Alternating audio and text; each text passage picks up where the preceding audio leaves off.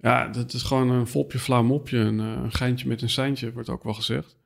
Alleen, ja, dan kom je op, op het stuk van, het geeft een stukje bestaansrecht op het moment dat ik echt het idee heb dat mensen door hun zin, hun zin in het leven weer vinden. En dat is veel leuker dan iemand te laten lachen op een verjaardag. Welkom bij de Isabelle Veteris podcast.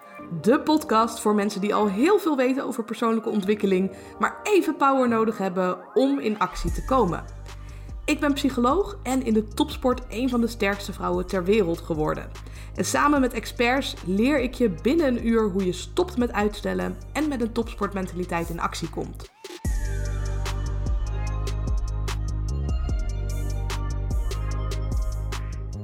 Yes, nou welkom uh, luisteraars bij uh, de podcast vandaag over uh, topsportmentaliteit. En ik ga vandaag spreken met Eddie Boom. En voor de mensen die jou nog niet kennen, zou jij in het kort iets meer over jezelf willen vertellen? Nou, de naam is Eddie Boom. Officieel niet trouwens, maar dat is wel heel intiem om meteen daarover te beginnen. dus mijn schuilnaam is Eddie Boom, mijn artiestennaam zou ik kunnen zeggen. En ik ga tegenwoordig door het leven als de slogan koning. Uh, die naam heb ik gekregen uh, bij iemand uh, binnen operatie Doorbraak van Tibor Olgers. Voor sommigen een bekende naam. En ben dus werkzaam als coach, als trainer. Iets meer de transitie aan het maken richting leraar rondom short copy. Een term die Ilko Smit, wat ook een bekende naam is voor sommigen, mij heeft gegeven. De short copy koning. Ja, dus, dus naast het feit dat ik nogal spitsvondig ben met woorden, heb ik denk ik best wel een track record sowieso in de hele creatieve industrie. Het begon al uh, toen ik een jaartje of 18 was. En uh, toen zat ik in een band en wij toerden door Nederland. Op een gegeven moment zelfs wat optredens gedaan in Frankrijk, Spanje. En dat was uh, met Funkabilities. En dat is ja, voor sommigen bekend tegenwoordig onder een andere naam, namelijk Chess Special. De zanger van Chess Special, Joshua, was de zanger in de band waar ik vroeger in zat. Oh, wat gaaf. Uh, dus ja, we hadden toen eh, de Rob Acta wordt gewonnen uh, met een hip-hop reggae band. Ja, dus, dus het begon eigenlijk met de muziek, wat stiekem ook wel ja, een van de grootste kunstvormen nog steeds voor mij is. Alleen ik was dat muzikantenleven, ja, dat, dat, dat stond mij niet helemaal.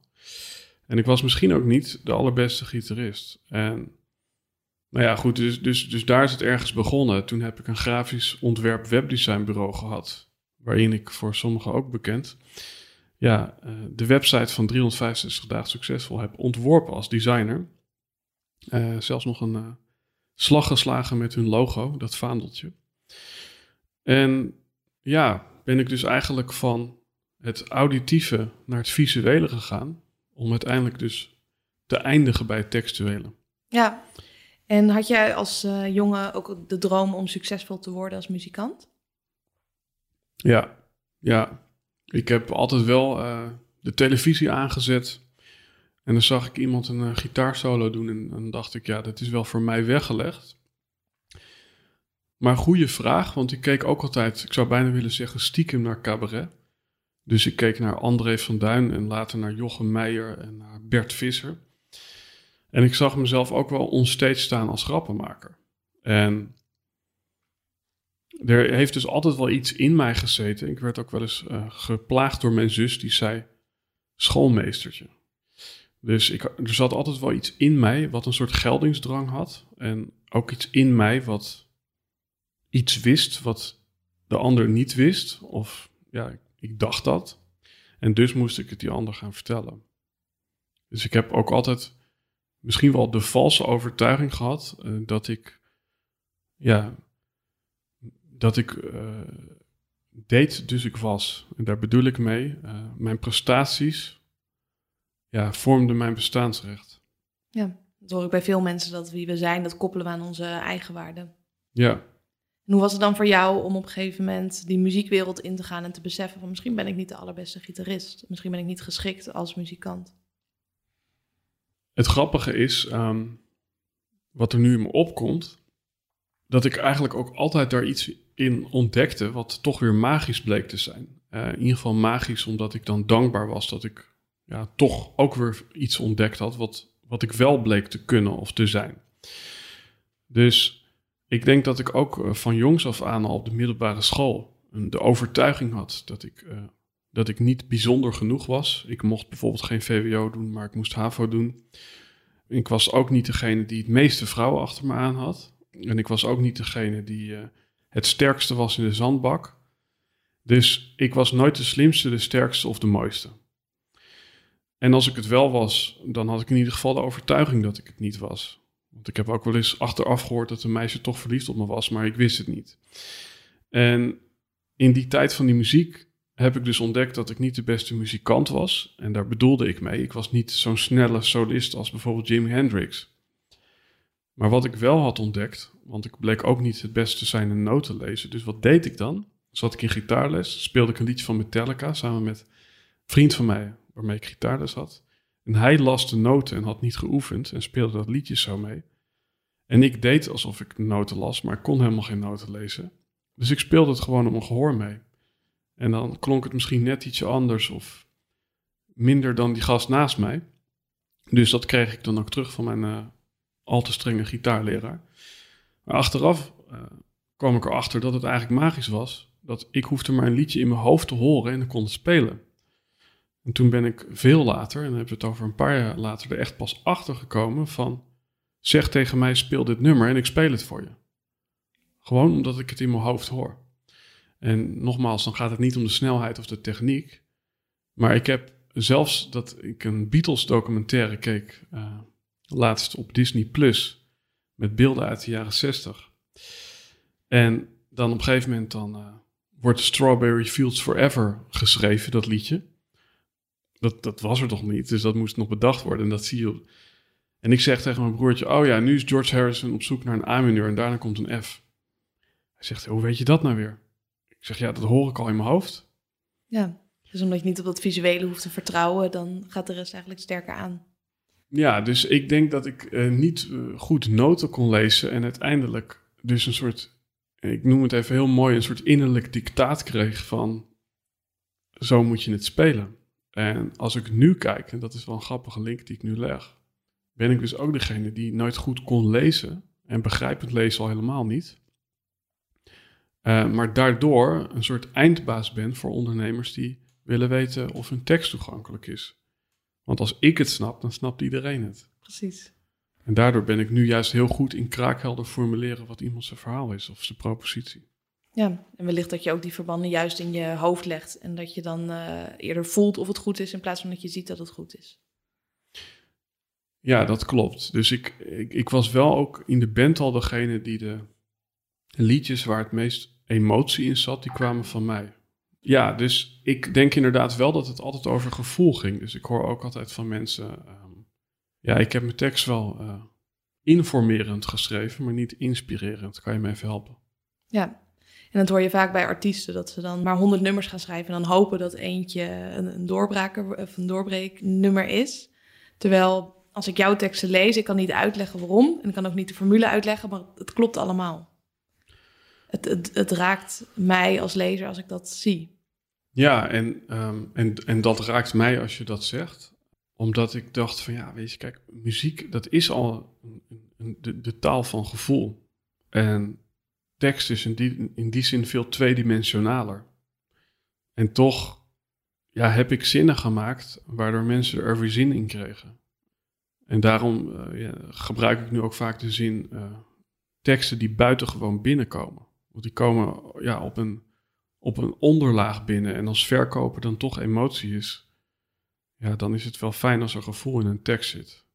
Ja, en wat ik van jou ook een hele mooie uitspraak vind, en die staat natuurlijk mooi op je website van uh, minder woorden, meer winst. En niet alleen voor ondernemers denk ik dat het heel relevant is, maar een heleboel mensen die vertellen heel erg veel, maar ze zeggen heel weinig. Ja, en daar zit meteen de nuance om tot korte zinnen te komen, heb je vaak lange ervaring nodig. En Blaise Pascal zei in uh, 1600 al, toen hij een uh, landlord een brief moest schrijven, toen schreef, schreef je hierbij schrijf ik u een lange brief omdat ik geen tijd had om een korte te schrijven. Dus iedereen is op zoek naar less is more. Dat is natuurlijk ook heel populair geweest. Maar wat we vergeten is dat uh, weinig is altijd het resultaat van veel. En dat geldt niet alleen in tekst, maar dat is misschien ook ja, een ondernemersles die ik heb moeten leren. En hoe is dat voor jou gegaan in je ondernemersles? In je ondernemersreis? Ik beschreef net natuurlijk al een stuk van mijn reis, maar als ik dan iets meer inzoom op het laatste stuk, en dan uh, bedoel ik het stuk waarin ik ondernemer ben geworden. Het begon in 2008. In 2008 was nog net niet onze slogan: wij maken alles voor iedereen tegen iedere prijs. En ons reptiele brein die vindt het heel logisch om heel veel aan te bieden. Die wil niet verliezen. Nee, het is net zoals dat je als je met een mitrailleur om je heen schiet zonder te richten. Nou ja, dan is het best wel een grote kans dat je iets raakt. Alleen uh, als je 99 kogels verliest om één keer raak te schieten, ja, dan kan je dat spelletje één dag volhouden en dan ben je door je arsenaal. En dat was dus ook wat er gebeurde. Dus we hadden een, bedrijf wat grafisch ontwerp deed. We maakten in het begin zelfs decorstukken uh, voor filmfestivals voor kinderen. Hebben we ook nog het jeugdjournaal meegehaald. Maar het ding was, ja, het, het, was gewoon het, ik noem het het VND-principe. Van we weten allemaal hoe het daarmee is afgelopen. En ik durf te claimen dat ik kan zeggen waarom. Want als ik jou zou vragen, wat was nou het product van VND? Ja, wie was de ideale klant? Geen idee. Nou, er wordt vaak gezegd hè, dat VND te laat online ging, dat dat de reden is dat ze failliet zijn gegaan. Maar wat je inderdaad vertelt. Het... Nou ja, hè, er zijn natuurlijk voorbeelden zoals bol.com van uh, winkels die inderdaad van alles aanboden. Maar toch waren ze ergens eenkennig in. Want ze waren de enige shop die alleen als webshop bestond.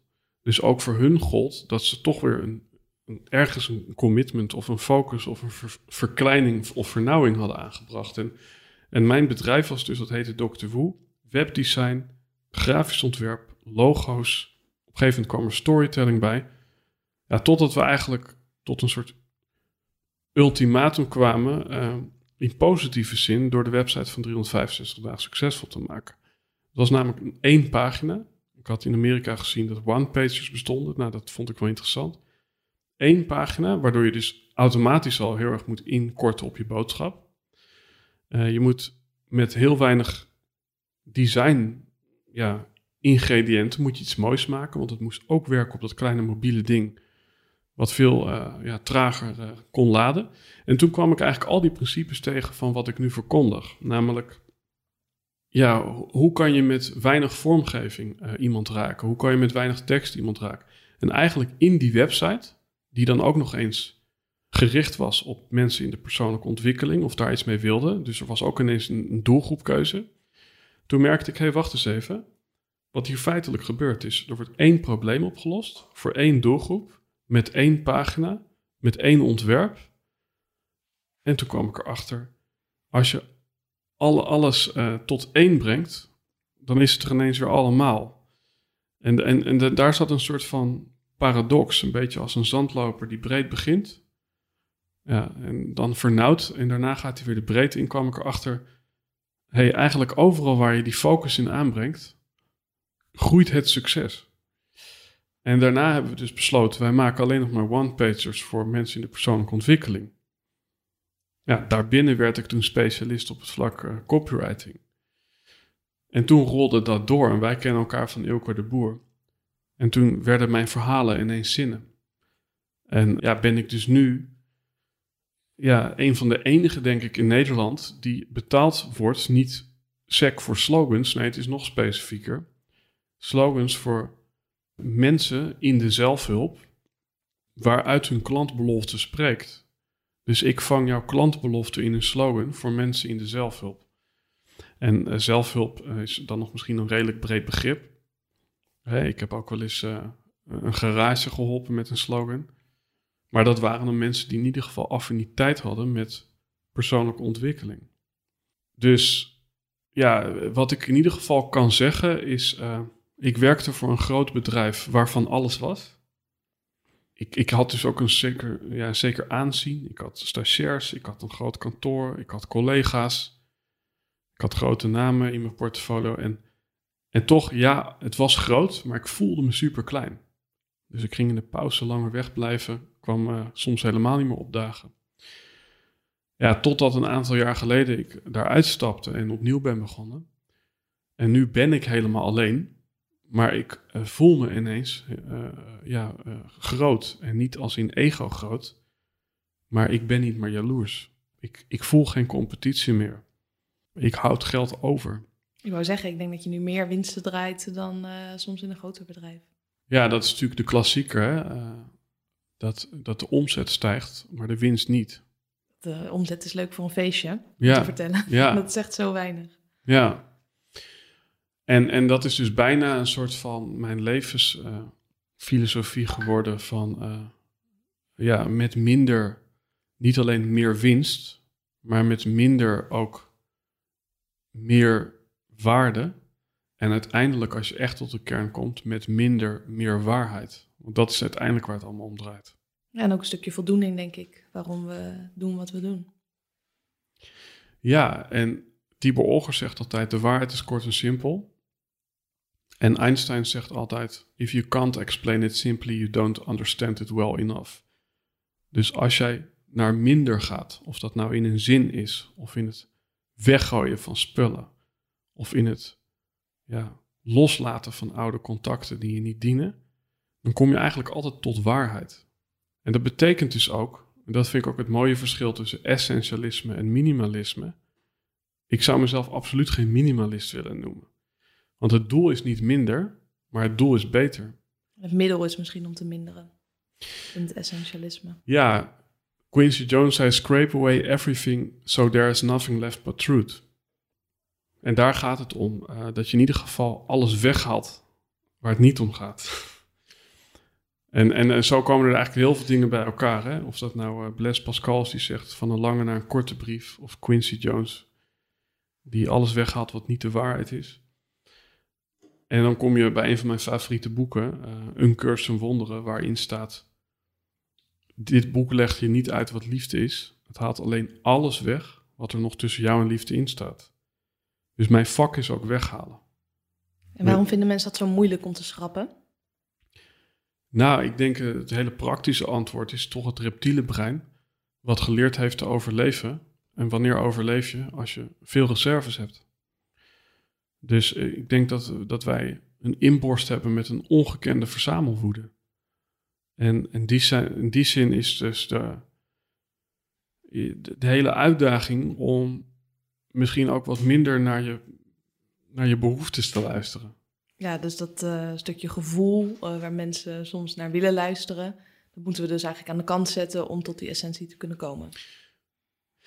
Ja, ik, ik zeg ook heel vaak, je moet niet te vaak je gevoel uh, volgen. En ik zei bij Elkar de Boer, volg je gevoel en dan voel je de gevolgen. dat weet jij natuurlijk ook als geen ander. als je je gevoel volgt, dan drink je misschien cola en eet je pizza iedere dag. Dan zou ik alleen maar werken, denk ik. of je zou alleen maar werken. Dat is misschien iets genuanceerder. Maar ik denk dat je je gevoel op bepaalde momenten in je leven heel duidelijk moet volgen. En dat is bijvoorbeeld als je boven op een berg zit in Zwitserland in de zomer in denk na over wat voel ik nou dat ik dit jaar met mijn leven wil gaan doen. Maar zodra je naar het dal gaat, dan ga je ook terug naar, naar de aarde. En dan zou mijn vader zeggen, dan ga je terug de materie in. En als je daar eenmaal zit, dan moet je die afspraken van die berg met jezelf blijven herinneren en blijven uh, praktiseren. Dus uh, op het moment dat je een intentie zet, volg absoluut je gevoel. Maar op het moment dat je hem hebt gezet, volg je verstand. Ja, en hoe doe jij dat zelf? Hoe doe ik dat zelf? Ik weet niet of ik het altijd doe. Dat, dat is gewoon even eerlijk. Maar in werk lukt dat me wel heel goed. En kijk, ik denk dat ik dit principe zo goed snap. Ik geloof ook, ehm, als je het begrijpt, dan krijg je altijd ook begrip. Dat is ook mooi, van anderen. Maar, maar het werkelijk begrijpen en doorvoelen, dat resulteert erin dat er heel weinig reden is om, om die afspraak met jezelf niet na te komen. Dus ik heb zo duidelijk gevoeld wat het is om een te ingewikkeld bedrijf te hebben. Om te veel bezig te zijn met erkenning of aanzien of te veel omzet op te zien gaan in allerlei vage kosten. En op een gegeven moment dan, hè, dan krijg je die verleiding. Dan belt iemand, ik wil een samenwerking met je starten. En dan hoor je al, oké, ik heb nu een heel duidelijk coachingstraject, maar ik moet daar feitelijk van afwijken, Omdat net zoals in een relatie, je moet allebei iets van een concessie doen. En ik denk, hé, hey, dan moet ik ineens iets gaan doen waar ik minder goed in ben. En wat gebeurt er dan? Uh, want ik doe iets nieuws, want dat, dat vraagt die persoon uh, aan mij om. Oké, dan ga ik iets doen waar ik minder goed in ben. Oké, dan ben ik minder de specialist. Krijg ik slechtere reviews. Kan ik minder hoge prijzen vragen. Dus ik doe het niet. En, en dan noem ik even een voorbeeld. Maar ik heb, ik, heb, ik heb zoveel verleidingen gehad. Ik heb zelfs een keer, uh, ik noem even de namen uit respect niet, maar een naam wat wij allemaal kennen. Dat vroeg mij om de slogan te maken. Nee, dat willen ze niet in, uh, in drie tot vijf sessies. Dat willen ze ook niet op Zoom. En die video's die ik heb gemaakt, die gaan we ook niet kijken, want daar hebben we geen tijd voor. Maar je krijgt wel drie keer zoveel geld dan je normaal vraagt. Ik heb gewoon gezegd nee. Ik denk dat ik letterlijk een ton heb laten liggen door iedereen waar ik in mijn leven nee uh, tegen heb gezegd afgelopen jaar. Maar waarschijnlijk ook weer heel veel door gewonnen. Ja, ja. De kwaliteit kunnen waarborgen naar de mensen waar je wel voor hebt gekozen. Ja. Ja, want wat je inderdaad benoemt, dan had je misschien slechte reviews gekregen. Of uh, nog belangrijker, minder plezier gehad in het werk. Ja. Um, en uh, ja, dat werkt nog uh, langer door. Ja. En ik zit te denken, hè, als je nu als luisteraar denkt van... Oké, okay, bij mij moet het ook allemaal minder. Ja, dan, dan, is, dan, dan kom ik toch weer even terug op die brief van Blaise Pascal uit 1600 van... Ik zou onmogelijk hebben kunnen ontdekken dat ik de slogankoning was... als ik niet die hele V&D daarvoor heb gerund. En ik zou onmogelijk weten dat mijn relatie nu goed is als ik niet ja, zo ontzettend veel uh, schepen achter me heb verbrand. Dus uiteindelijk denk ik ook van, ja, de weg naar, naar eenvoud uh, komt vaak in tweevoud. de meeste dingen die uh, ik ben gaan doen toen ik begon met ondernemen, doe ik al lang niet meer. De meeste e-boeken gebruik ik niet meer. De, nee. de meeste teksten, daar doe ik niks meer mee. Maar het is wel allemaal nodig geweest. Ja. Ja, nodig om jezelf te ontdekken. In het boek Essentialism staat ook: wie ja zegt is populair voor iedereen. Wie nee zegt krijgt respect van de mensen waar het om gaat.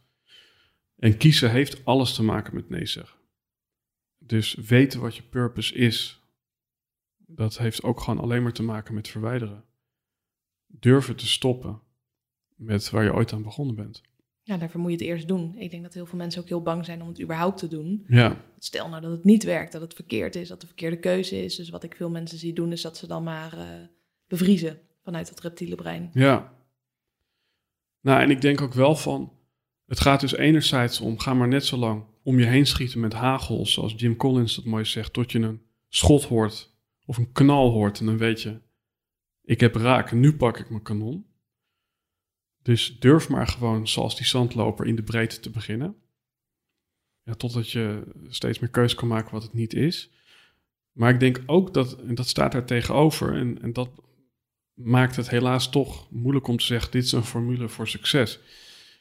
Er tegenover staat, soms moet je ook voor iets kiezen en daar een jaar mee doorgaan. Ook als het eigenlijk helemaal niet zo goed meer voelt, of dat het eigenlijk helemaal niet zoveel oplevert. Of dat je het resultaat nog niet kan zien. Precies. Bijvoorbeeld in de sport, ik kom zelf uit de topsport, dan zie je gewoon bij een schema of het werkt, want elke week word je sterker. Terwijl als ik elke dag ga posten op social media, dan zie ik misschien pas na 100 dagen of dat wel of niet werkt. Exact. Ja, dus, dus volgens mij gaat alles over timing en uh, commitment. En uh, weten wanneer je moet stoppen en weten wanneer je moet doorgaan. En ik denk dat mensen eigenlijk op twee uh, vlakken falen. Als ik naar Steve Jobs kijk van do what you love and if you didn't find it, don't settle. Dus dat is dat breed gaan, hè? van ga maar lekker spelen, ga maar lekker ontdekken. Uh, ik denk dat, dat, dat mensen te weinig uh, verkennen. En ik denk ook dat mensen te snel stoppen. Dus het is... Ja, het is heel dubbel, hè? Ja. En dan zijn ze al aan het verkennen en denken ze, oh, dit is toch niet, ik, ik kap er maar mee. Ik weet dan nog wel van bijvoorbeeld de studententijd, dat na de middelbare school, dan moet je ineens een studie kiezen. En er wordt heel zwaar over gedaan dat je dan de rest van je leven waarschijnlijk in dat vak verder moet. En dan zie je ook dat, ik heb psychologie gedaan, dat één op de drie binnen het eerste jaar al ermee stopt omdat ze denken, oh, als dit de keuze is voor de rest van mijn leven en ik vind het nu niet zo leuk, dan hou ik er maar mee op. Ja, kijk, uiteindelijk, uh, er zijn zoveel mooie voorbeelden. In die zin leeft natuurlijk ook een hele rijke tijd. Ik bedoel, ik moet ook denken aan de dip van Seth Godin.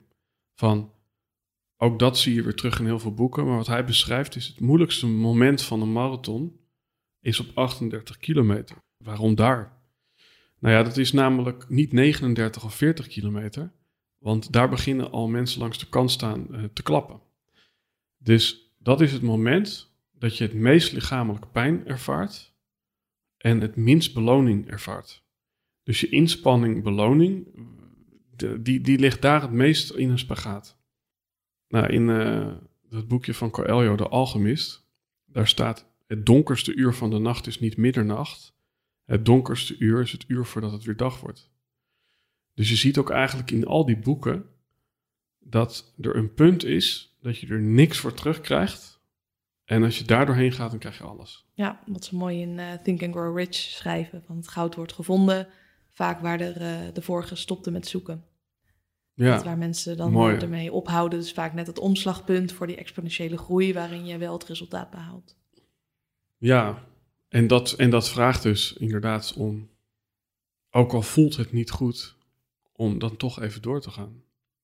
Ja, dus, dus ik denk wel van hè, in hoeverre er überhaupt sprake is bij mij van succes. Want ik bedoel, ik kan zoveel namen noemen die meer verdienen, meer volgers hebben. Ga maar door. En wat is succes dan voor jou? Nou, ik denk dat ik daar nu wel redelijk dichtbij ben. Voor mij is het dat ik, dat ik voel dat ik een functie heb. En, uh, ik, en, en in die zin word ik gedragen. En daar bedoel ik mee. Um, kijk, als jij heel succesvol bent, dan jaag je uh, misschien uh, achter dingen aan die jou ja, iets lijken te bezorgen. Zoals bijvoorbeeld aanzien of geld of wat dan ook. En als je helemaal niet succesvol bent, dan, dan krijg je heel veel tegenwind. Maar op het moment, ja, dat wat ik dan nu even definieer als succes, dat je je functie hebt gevonden, dan, dan kom je in een soort flow, in een staat van zijn waarin eigenlijk alles vanzelf gaat. En voor mij is dat nu heel voelbaar. Ik, ik doe weinig marketing.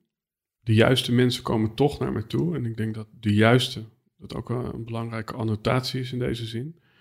En het komt er eigenlijk op neer van, ik, het, ik geef wel echt veel in mijn werk.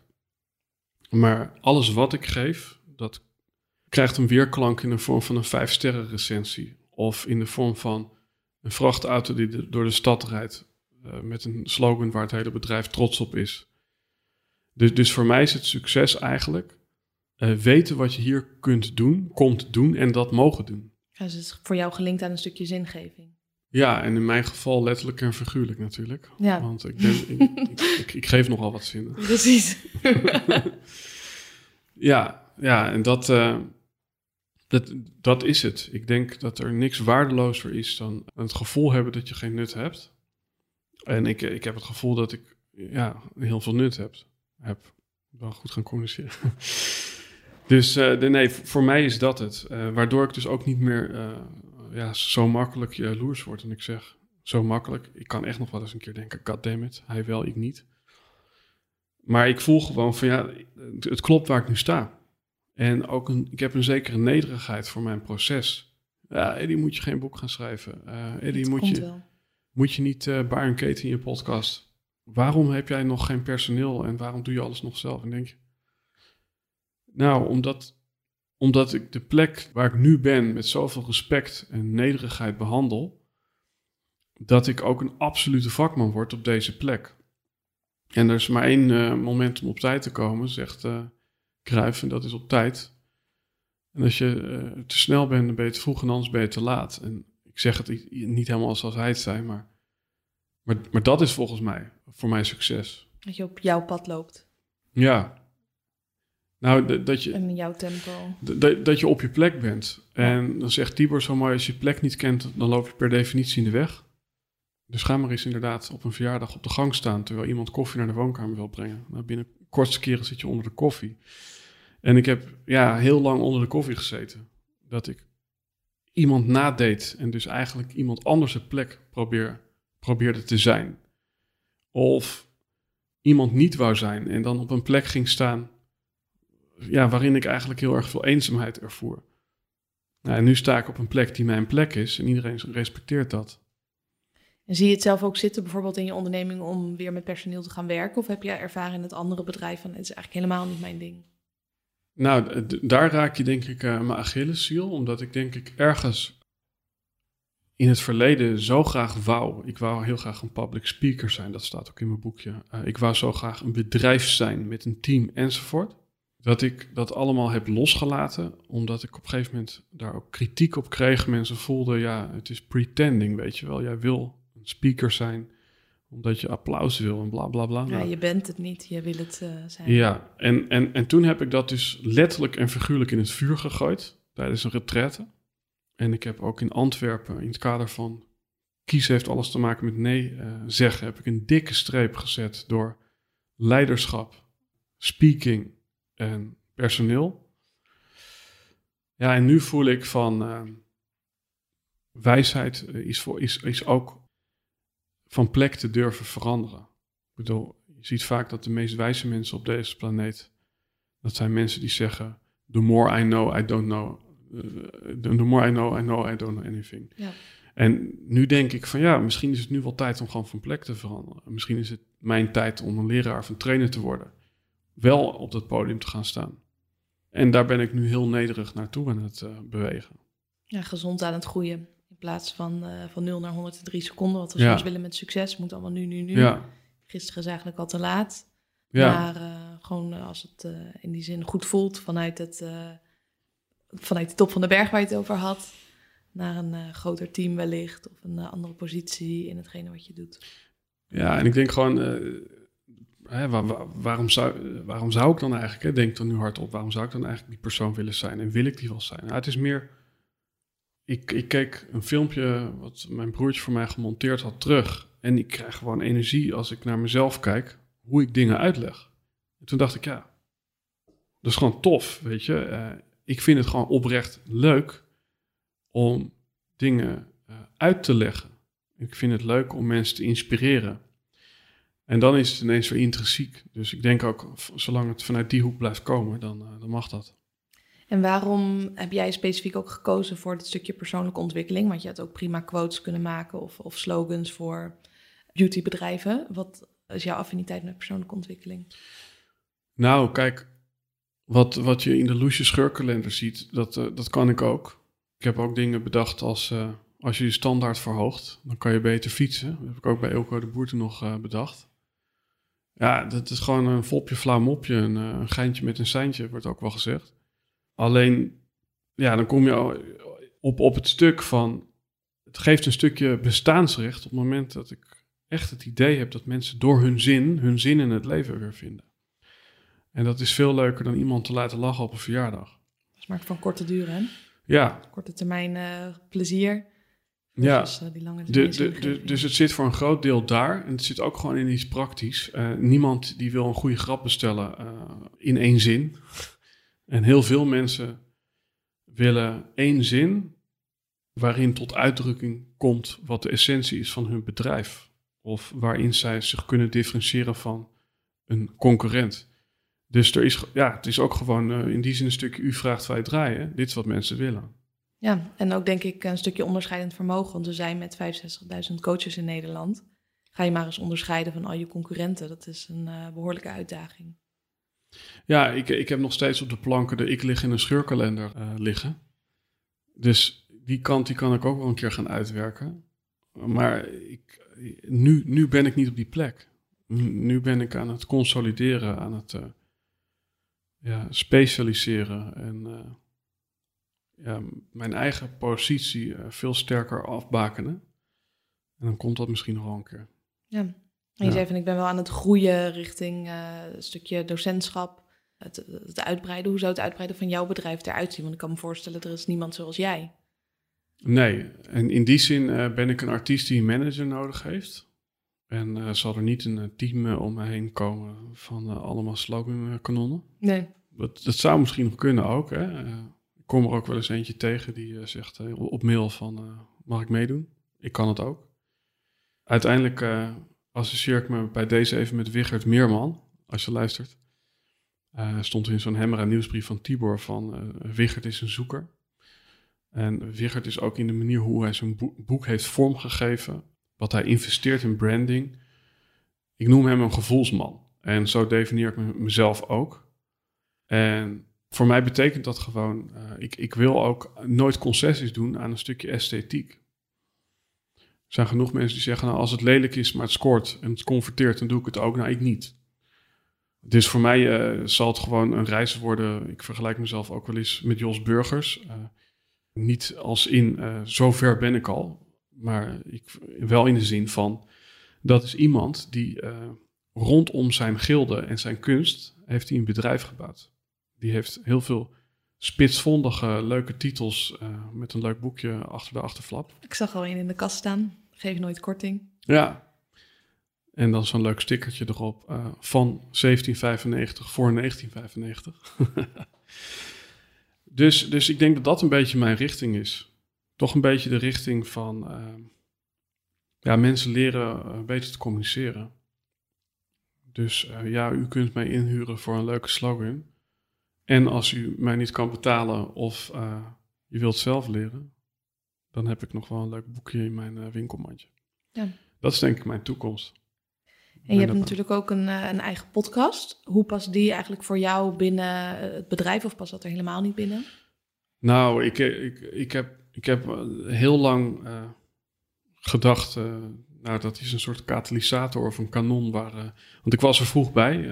eindbaas was een van de eerste in Nederland. En ik zat in datzelfde jaar. Ik was wel na eindbaas, maar ja, ik, ik stond letterlijk gewoon in de top 10 in Nederland, omdat er ook niet meer waren.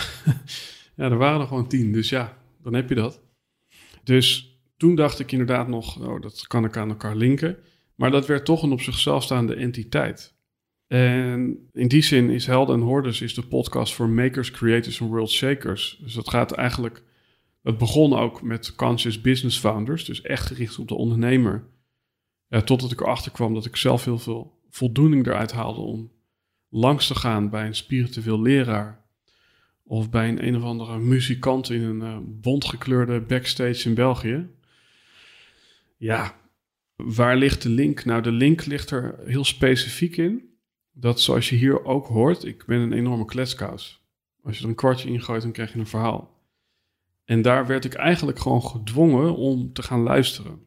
En om door te vragen. En ik denk echt, ja, zoals Patrick Kikker ooit zei over mijn podcast.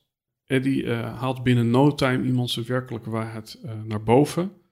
Met de kanttekening door langer door te vragen dan menig andere podcaster. En het goed vragen leren stellen om tot de kern te komen, dat is in ieder geval een stukje specialisme, wat ik dus nu ook gebruik om tot jouw slogan te komen. Dus ik vraag gewoon veel langer door waardoor jouw uh, slogan niet generiek uh, wordt, maar specifiek. Ja, dus, ik heb er gewoon in geleerd om, uh, ja, om, om eigenlijk onder de huid te kruipen van, van mijn klant. En, en dan zit er aan de bovenlaag zit er natuurlijk twee voordelen van. je hebt honderd podcasts gedaan, je hebt een paar honderdduizend luisteraars gehad. Dat geeft gewoon vertrouwen. Dus dat resulteert erin in mijn klantreis dat veel van mijn klanten zeggen: Ik was luisteraar en ik vind het gek om je stem in het echt te horen. Of dat ik uh, in de vitamin store stond en uh, iemand hoorde mijn stem en die wist mijn postcode. En uh, daardoor kreeg ik de korting op mijn vitamine. Nou, dat soort gekke dingen heb ik meegemaakt. Inclusief, ik ging in Den Haag naar de sauna, want ik durfde niet meer in Haarlem. En hey Eddie, shit, weet je wel, sta je daar? dus nee, allemaal, dat zijn allemaal grappige dingen. En wel gewoon een van de belangrijkste dingen, dat is misschien ook wat wij hier nu ervaren en wat jij ook kent. Dat is gewoon het ja, het verbinden met mensen op kernwaarden. En mijn beste vrienden, ja, die heb ik in mijn podcast ontmoet. Ja, ja. dat heb ik zelf ook. Dat uh, heel veel mensen die ik vandaag de dag spreek, ook via de podcast in mijn netwerk gekomen zijn. Ja, ja het is denk ik uh, uit de tijd om, uh, om met een koekje en thee bij elkaar aan te schuiven. En wij hebben dan tegenwoordig een afspraak nodig, namelijk dat we er een opname van maken. En dan dan komen we nog eens een keer eh, tot elkaar. Ja, en ik denk het ook als je ondernemer bent en zeker als je het wat beter doet, dan wil iedereen met je koffie drinken. En dan wil je denk ik ook een win-win situatie creëren van oké, mijn tijd is beperkt en iedereen's tijd natuurlijk is beperkt. waarom zouden we dat eh, in jou gaan investeren? En als er een win-win is van oké, ik geef jou een platform, ik, ik maak een stukje promotie voor jou, dat het een reden kan zijn dat een, eh, in mijn geval een Arie Boomsma denkt van ah, ik wil bij wel uh, bij Isabel in de podcast komen. Ja. Ik denk dat een heleboel mensen bijvoorbeeld met hem een kopje koffie zouden willen drinken. Absoluut. En, en op een gegeven moment zijn er ook weer meer podcasts dan mensen, dat is ook zo. Maar het, het heeft denk ik ook gewoon, hè, die, die mobiel ligt hier op de vliegtuigstand op tafel. Je hoorde hem net piepen, maar dat is per ongeluk mijn laptop.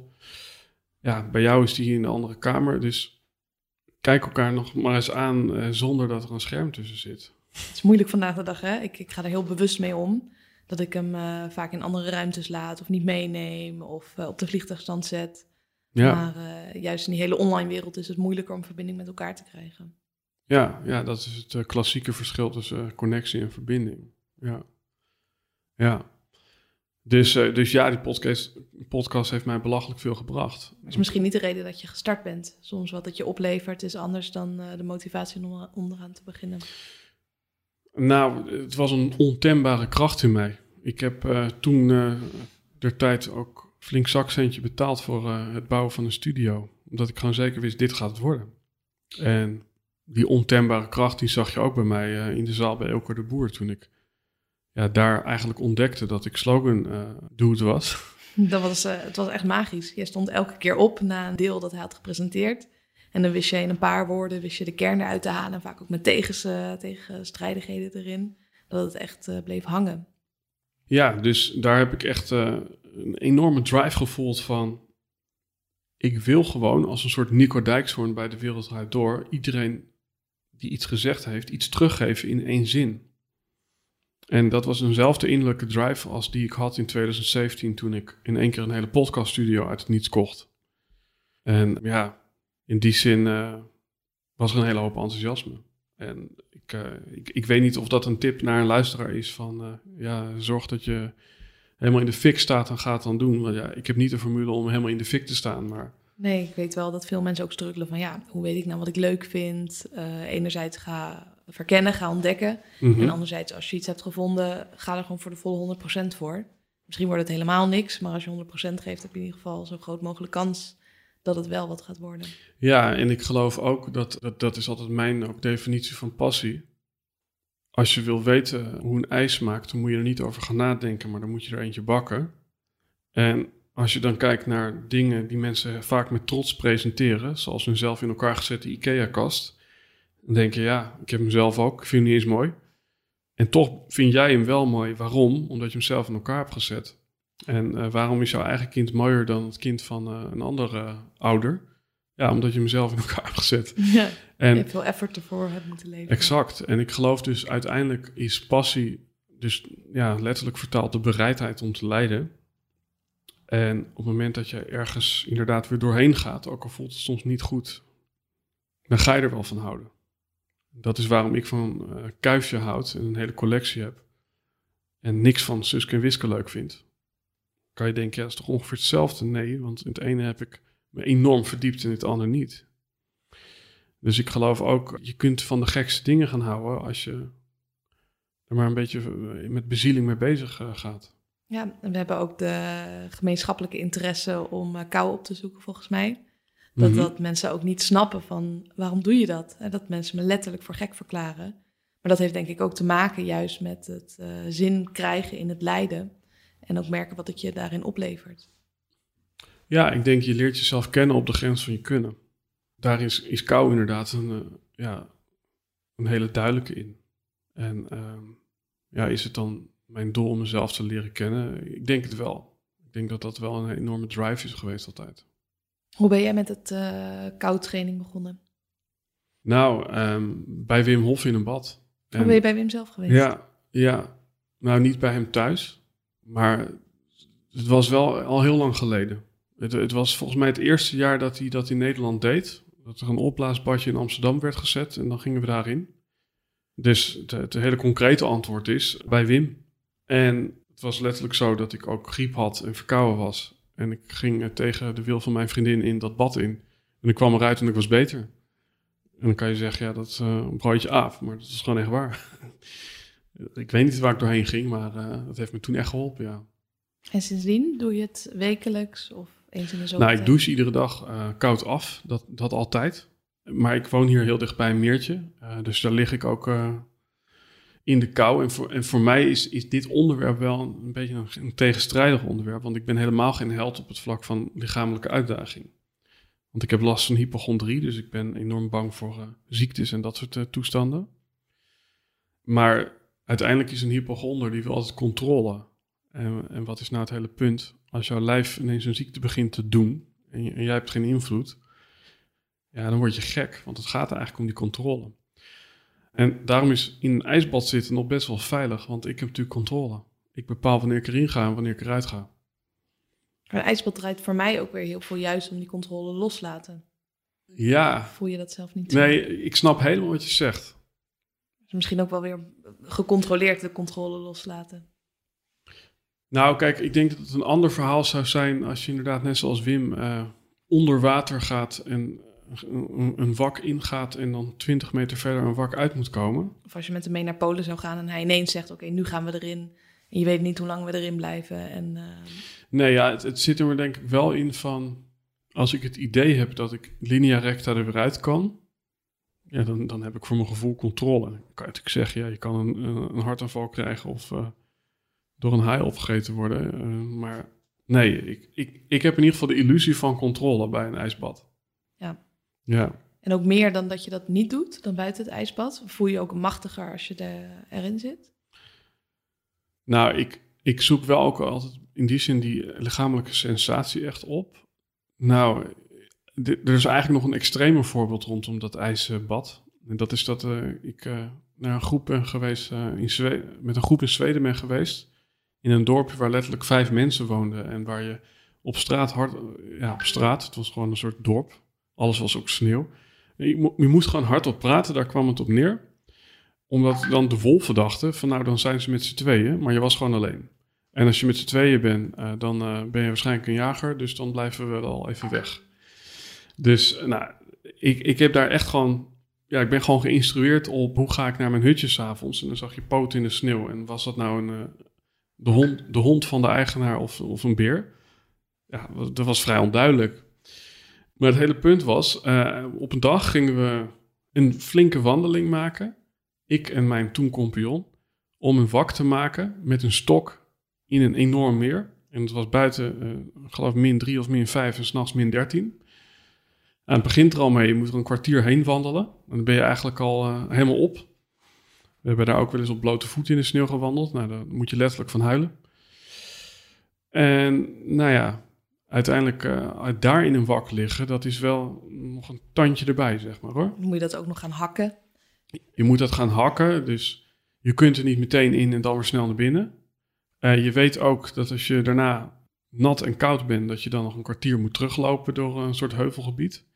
Dus nou, dat was wel echt een next level. Waarom deed je dat? Ja, waarom deed ik dat? Dat, dat vind ik wel een interessant onderwerp. Um, ik ben ergens ja, op zoek naar uh, toch mijn comfortzone vergroten. Ondertussen loopt het ding lekker door te toeteren. Ik hoop dat hij ophoudt. Dus ik ben op zoek naar het uh, vergroten van die comfortzone. En tegelijkertijd kun je jezelf altijd afvragen of je dat doet vanuit zelfliefde of vanuit zelfhaat. Uh, daar bedoel ik mee. Um, het is natuurlijk heel fijn om te ontdekken waar je grenzen liggen en meer te durven of meer vertrouwen te krijgen. Maar het kan ook een soort constante voorwaarden scheppen. Uh, ik ben nu nog niet goed genoeg zoals ik ben, want ik durf niet te bungee jumpen. Of ik durf niet in een zweethut te zitten een half Moet uur. hier nog naartoe groeien in ieder geval. Ja, dus het kan ook een soort van placeholder zijn om niet gewoon te genieten en uh, in het nu te zijn. En, dat heb ik op een gegeven moment ook wel ontdekt ik ben toen door Tibor ook gevraagd om uh, in de Reebok te gaan trainen. Ik heb dat toen heel bewust afgezegd. Ik, ik, zeg daarvan niet dat ik het nooit ga doen. Maar op dat moment dacht ik van ja, als ik dit doe, dan weet ik niet of dat nou uh, deel uitmaakt van zelfliefde of zelfhaat. Want ik zag er gewoon zo verschrikkelijk tegenop. Zei Richard nog, ja, misschien ben je gewoon het type niet. Maar Richard zit daar ook niet. Maar goed, die doet op zijn eigen manier dingen aan beweging. Dus, dus dat vind ik wel altijd een interessante, van uh, ja, wat is je motief? Ja. ja, ik merk dat zelf ook wel eens in de ijsbaan hoor, dat ik erin zit en daarover nadenk. Maar ik heb met mezelf de afspraak dat als ik bedacht heb dat ik iets ga doen, dat ik het dan ook ga doen. Want dan, ja, wanneer is het je reptiele brein die je eruit kletst en wanneer is het echt je intuïtie die zegt, joh, zorg maar even goed voor jezelf. Het onderscheid vind ik zelf ook soms nog wel lastig te maken. Ja. Ja, want heb jij het idee dat je je grenzen steeds verder uh, blijft stretchen? Of heb je op een gegeven moment ook wel zoiets van, nou, tot hier en niet verder? Nee, ik, ik verleg ze wel steeds. Dus in de koudtraining ben ik begonnen met kouder douchen, ijsbaden. En voor mij zit de uitdaging nu juist in het buiten zwemmen. Ook nu uh, ik in Weesp woon, in het centrum, dat mensen dat ook kunnen zien en daar weer een oordeel over hebben. Dus dan kan ik daar mentaal weer mee aan de slag. Maar ik merk dat ik daar wel veel energie uithaal, juist in het verleggen van de grenzen. Ja. Maar ook wel eens het idee van, ja, wanneer is het dan goed genoeg? Maar wanneer mag je, Ja. wat jij inderdaad mooi benoemt, er eventjes van genieten en hoef je niet elke keer maar door, door, door, door, door. Ja, nou, ik heb ooit ook een quote bedacht van, eh, als je altijd maar onderweg bent, dan kom je nooit thuis. Ja, Eh, en, en dat is voor mij, en dat, dat is misschien ook wel een beetje leeftijd gebonden, want ik ben nu 35 eh, op het moment van opname. En ja, in de antroposofie is dat een beetje de bovenkant van de parabool in je leven. En wat betekent dat? Dat is het moment dat je weet wie je bent, kunt terugkijken en gaat consolideren. Dus dat is een beetje de leeftijd waarin je, als het goed is, en ik weet dat ik nu heel veel luisteraars aan het schrikken maak, als het goed is, weet je ongeveer wat je komt doen. En dan ga je dat vervolgens verstevigen en versterken. En tot die tijd is het een beetje onder- on- onderzoeken wie je bent. Dus voor, voor mij geldt die theorie behoorlijk. En natuurlijk is eh 35 ook maar een beetje marginaal. Eh, iedereen heeft zijn eigen parabool daarin, in Daarom, zijn leeftijd, denk hè, ik. Maar ik bedoel, leeftijd is ook steeds relativiever. eh sommige 60 dingen- is nieuwe 40. Ja, precies. En sommige mensen van 20 die weten het nu al helemaal. En sommigen op hun 40ste komen ze dan pas een beetje achter. Ja, absoluut. Dus ik ben altijd, eh, ja, in die zin heb je een vreemde aan tafel. Ik, ik ben niet eh, de afdeling dapperheid en eh, lichamelijke uitdaging to the max. Ik heb meestal wel bijzondere gasten aan eh, aan tafel, dus dat scheelt. Ja, En soms ook wat we denken dat mensen zijn, is alles behalve wat ze zijn. Ik heb natuurlijk ook met Sander Aarts gepodcast. En dan zou je denken, oh, dat is een keiharde militair. Maar ik vond hem juist een hele zachte, lieve man. ja. En, en, en zo zou je hem voor mij misschien ook kunnen omdraaien. Ik heb wel eens eh, gehad dat er in mijn bedrijfsgebouw een enorme ruzie was. Het verzamelgebouw waar ik zat. En dan werd, ik er eh, vaak bijgeroepen. Omdat ik altijd een beetje de, de rots in de branding was. Dus ehm, keep calm in tense situations. Dat kan je ook wel op mij plakken. Dus als, het, bijvoorbeeld, als er echt een crisis of een ruzie is. Of eh, nou ja, 9-11 is op televisie. Dan zeg ik, oké, wie wil er een kopje thee? Weet je wel? Dus ik weet op dat moment ook wel eh, ja, de emotie uit te schakelen. En eh, ja, standvastig te zijn. Maar, maar dat, ja, dat, dat, dat is maar net in welke context je het bekijkt. Hoe is dan deze periode, we zitten bijna al twee jaar in lockdown, voor jou geweest? Kon je dan ook juist voor anderen meer de rots in de branding zijn? Of merkte je dat je daardoor zelf ook minder lekker in je vel zat? Nee, ik denk dat ik inderdaad daarin wel een aardige rots in de branding was. Ik heb mensen geholpen eh, die echt geen perspectief meer hadden. Kijk, ik zeg altijd, je moet op meerdere paarden wedden. En op het moment nou, dat je namelijk één paard hebt en nou overlijdt, dan heb je niks. en eh, ik had altijd meerdere paarden. Dus waar voor sommigen god, ik kan niet meer op vakantie en dat is mijn alles. Dus nu stort alles in. Was het voor mij zo. Ik had en een podcast en ik had een bedrijf. En ik verdiepte me in familieopstellingen. En ik was jongleur en ik was gitarist. Dus er was eigenlijk altijd wel iets in de woonkamer waardoor ik zin in mijn dag had. Toen heb ik ook een podcastserie gemaakt in samenwerking met de bibliotheek. Dat heette Weerbaarheid in crisistijd. Waarin ik eigenlijk mensen een hart onder de riem probeerde te steken. Waaronder ik met Tijn Tauber, Albert Sonneveld, eh, Mark Schadeberg, nou ja, een aantal... Ja, dus het gesprek aanging om op vijf vlakken in je leven ja, jezelf een beetje op touw te helpen. En met Mark was dat eh, rust en slapen. En met Tijn Tauber was dat spiritualiteit. Dus het was emotionaliteit, spiritualiteit, weerbaarheid.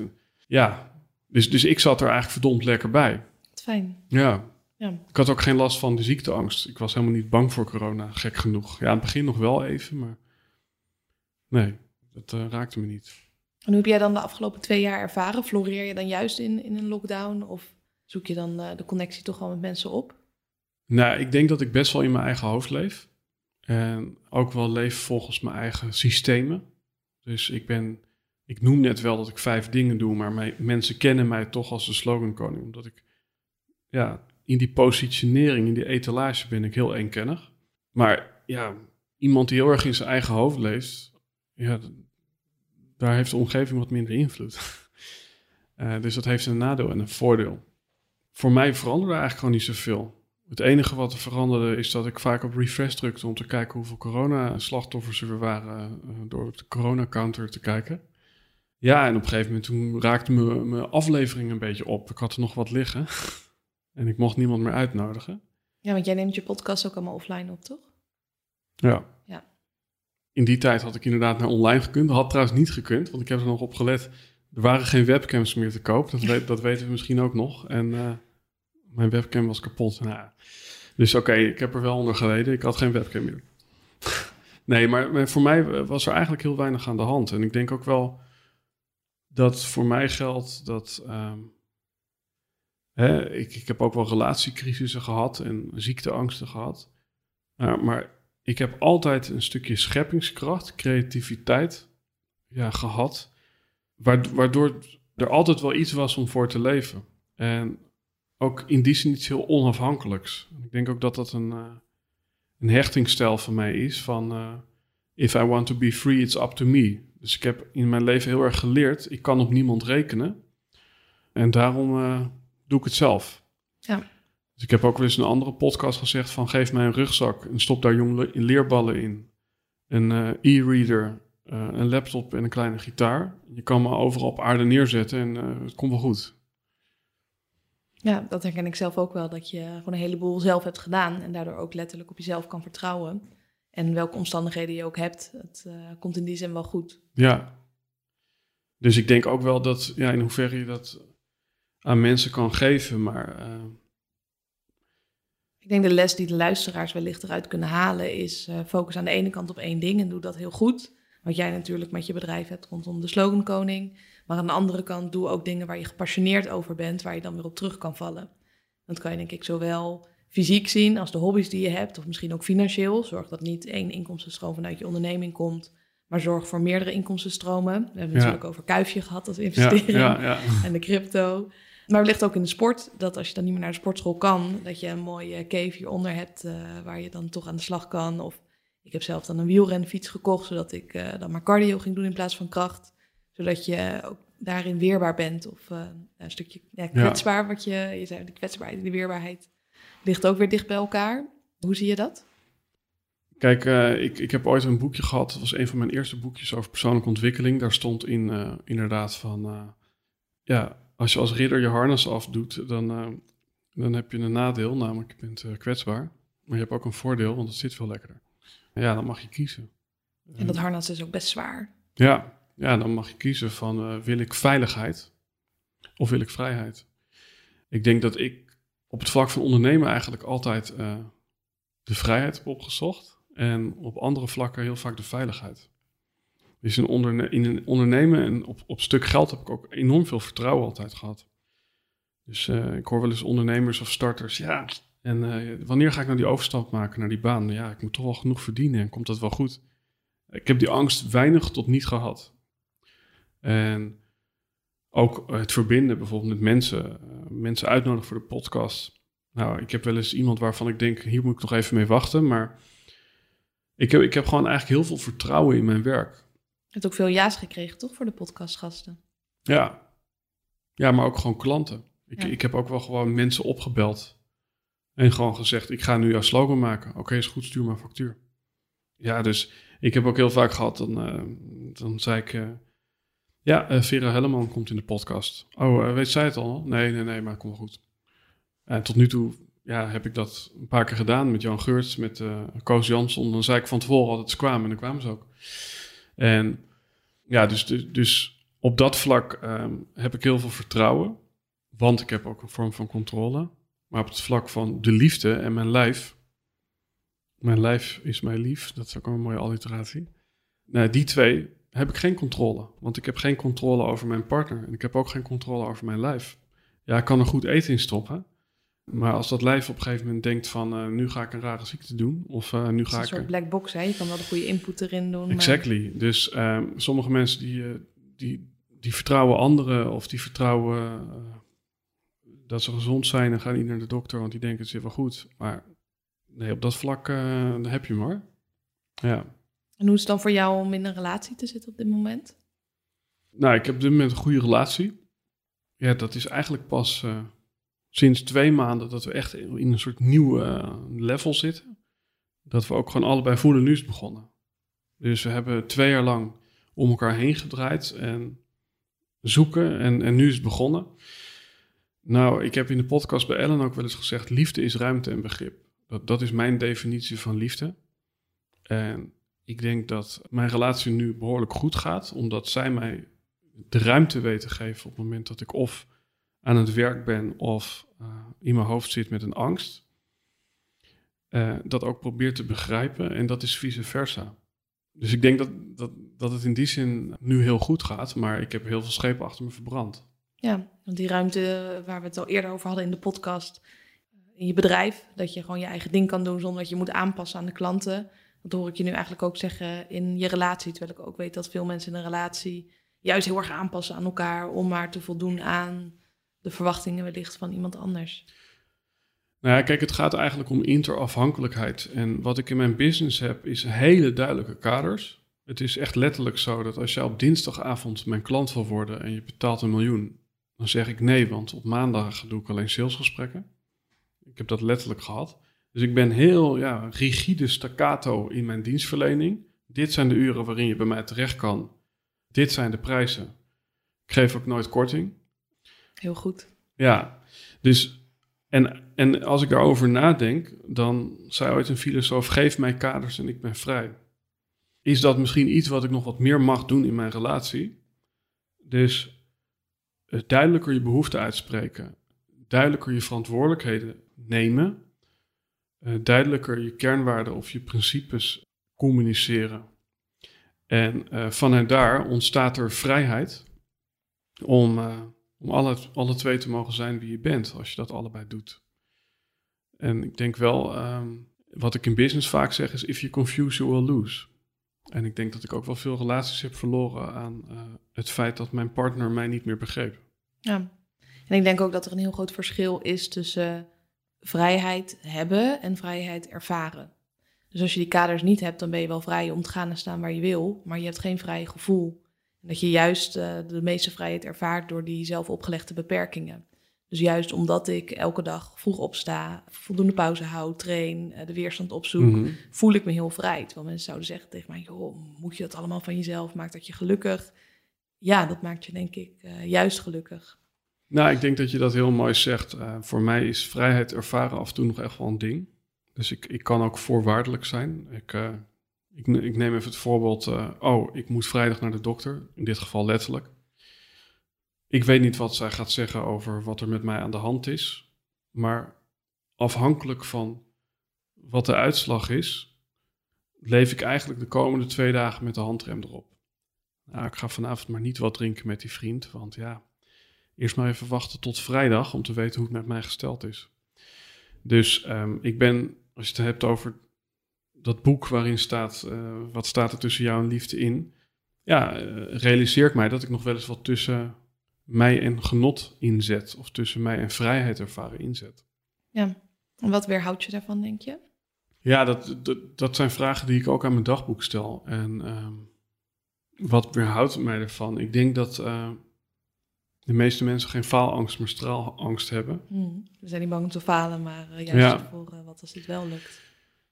Eh, dus ik ben denk ik ook niet bang voor de dood, wat heel logisch zou zijn als hypochonder. Maar ik ben eigenlijk bang voor het leven. Ja. En dat klinkt nu heel zwart-wit, hè, want er zijn een heleboel dingen die ik doe en durf. Maar er zijn ook wel heel veel dingen die ik laat, hoor. Ja. Ja. ja. Mooi hoe je dat zegt. Ja. ja. Zou je dat in de toekomst ook nog wel meer willen doen, juist dat stralen? Ja, en, en ik denk, eh, waar ik, ik had er gisteren een gesprek met iemand over, dat, heeft, dat, dat is denk ik een keuze. En dat is weer opnieuw niet luisteren naar je gevoel. Je kiest er gewoon voor om gelukkig te zijn.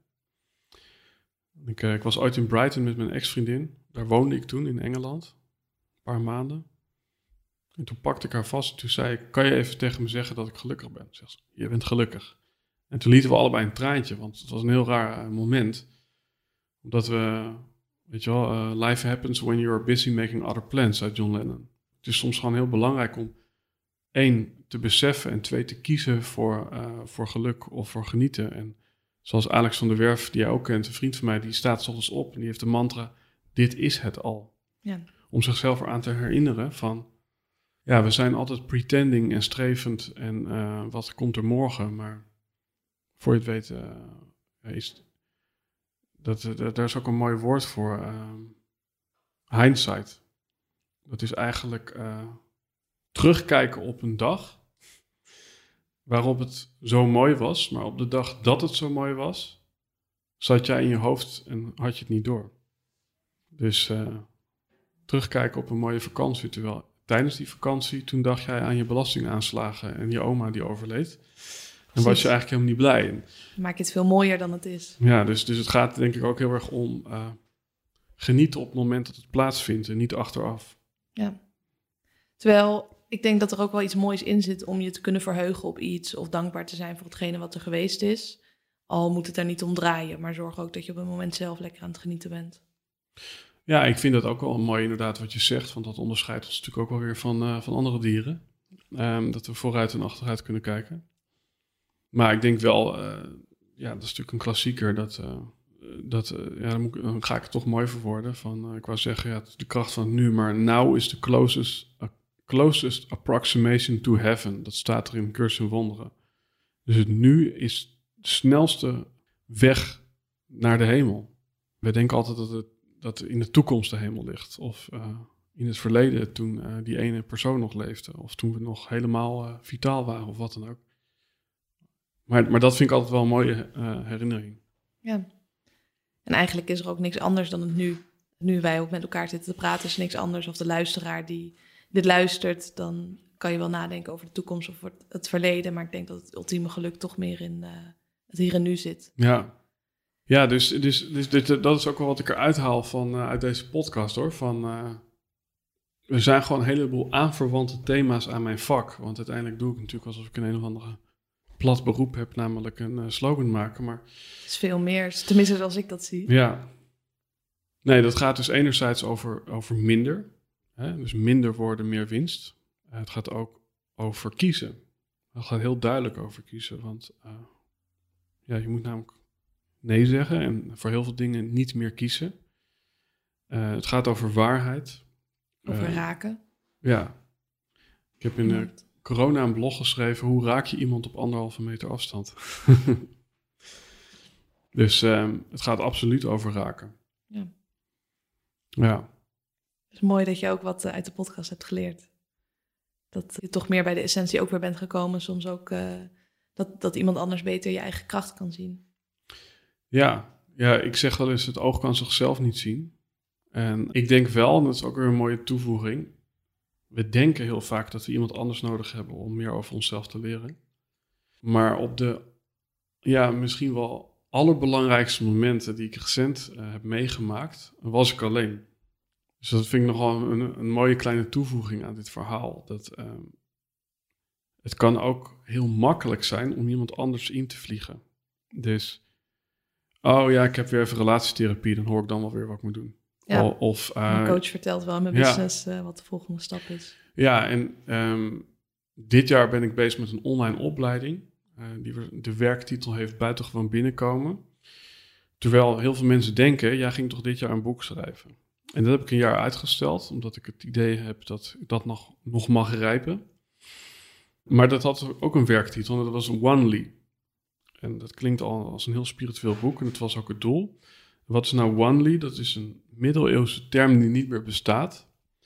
Uh, want je hebt lonely, uh, maar Onely, dat was dus being lonely without being alone. En dat Onely, dat is een ander woord voor één met God. En dan kan je afvragen wat God is.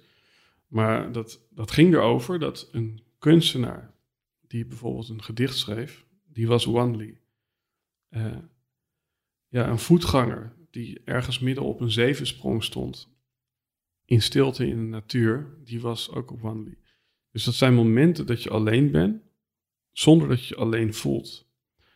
En het was ook Blaise Pascal die zei: uh, All human problems stem from the fact that a man is unable to sit quietly in a room alone. Dus kun je alleen zijn. En wat gebeurt er dan? En wat, wat voor inzichten of antwoorden krijg je dan tot je? En ik heb een audiodagboek. En uh, momenten dat mijn relatie in puin lag, of ik was bang voor een ziekte, of er was iets anders wat mij er helemaal af uh, liet liggen, dan heb ik uh, ja, in dat dagboek een gesprek gevoerd met mezelf. En dan is het echt, het is vandaag x februari, dit is er gebeurd. En ik liep er tegenaan, nou, bijvoorbeeld in dit gesprek, dat jij iets vroeg en ik wist het antwoord niet. En waarom gaf ik. En dan ga ik dus letterlijk in gesprek met mezelf. En ik heb dus nu, dit opnemen, heb ik 800 uur aan gesprek met mezelf. En ik heb dus ja, de, de grootste inzichten gekregen door door te vragen als een soort Byron Katie uh, op, ja, op stukken in mezelf. En, uh, neem je dat ook op of schrijf je dat op? Ja, nee, dat neem ik dus echt op. En luister je dat ook terug? Um, of is het inzicht eigenlijk al door het spreken? Eigenlijk luister ik het nooit terug. Ik heb dat twee keer wel gedaan. En uh, dat was dus één, uh, ja, zo'n nacht dat het uh, laatste uur voor het licht werd, was het het donkerst. Ik heb toen letterlijk niet geslapen omdat mijn relatie op springen stond. En toen ben ik dus in dat dagboek ja, erachter gekomen wat het probleem was. En dan kan je denken, ja, dan, dan, dan heb je dus een, nog niet de oplossing, maar dat is dus niet helemaal waar. Ik geloof heel erg dat als je het probleem snapt, dan is dat de oplossing. Dus Einstein zei ook, als je mij een uur geeft voor het probleem, besteed, eh, nee, voor, voor, de oplossing, dan besteed ik 59 minuten aan het probleem. Dus uh, ja, wat ik er nog aan zou willen toevoegen is, als je ergens niet uitkomt, ja, zoek hulp.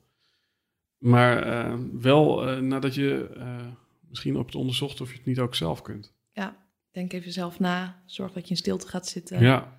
En zoek ook die weerstand op. Mensen die krijgen liever een hele pijnlijke schok dan dat ze met zichzelf 15 minuten in een kamer zitten zonder afleiding. Ja.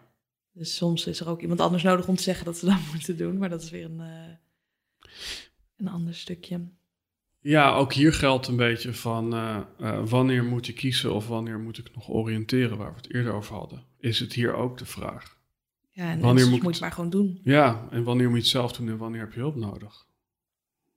Maar ik denk dat, ja, dat het heel vaak een heel subtiel moment is. En dat is denk ik ook mijn vak. Je bent niet zwart, je bent niet wit, maar je bent iets ertussenin en dat is jouw plek. En heel veel mensen die communiceren zwart-wit, ehm, denken zwart-wit. Ik ook. Uh, maar de oplossing ligt hem in, uh, in de details. Dus een, uh, ja, een, een, een, zin die ik dan ook nog in mijn opleiding gebruik is: God is in the detail. Dus de, ja, als je wil winnen in business, dan gaat het echt over details. Ja. ja. Ik denk dat het een hele mooie is om uh, mee af te sluiten. Ja. Dankjewel. Ja, many thanks. Hartstikke leuk dat je naar deze podcast hebt geluisterd. Mochten we nog niet connected zijn, volg me even op Instagram, @isabellelifts of download even mijn gratis e-book met meer dan 50 tips over mindset via isabelleveteris.com. En ik hoor ook heel graag wat je van deze podcast vond.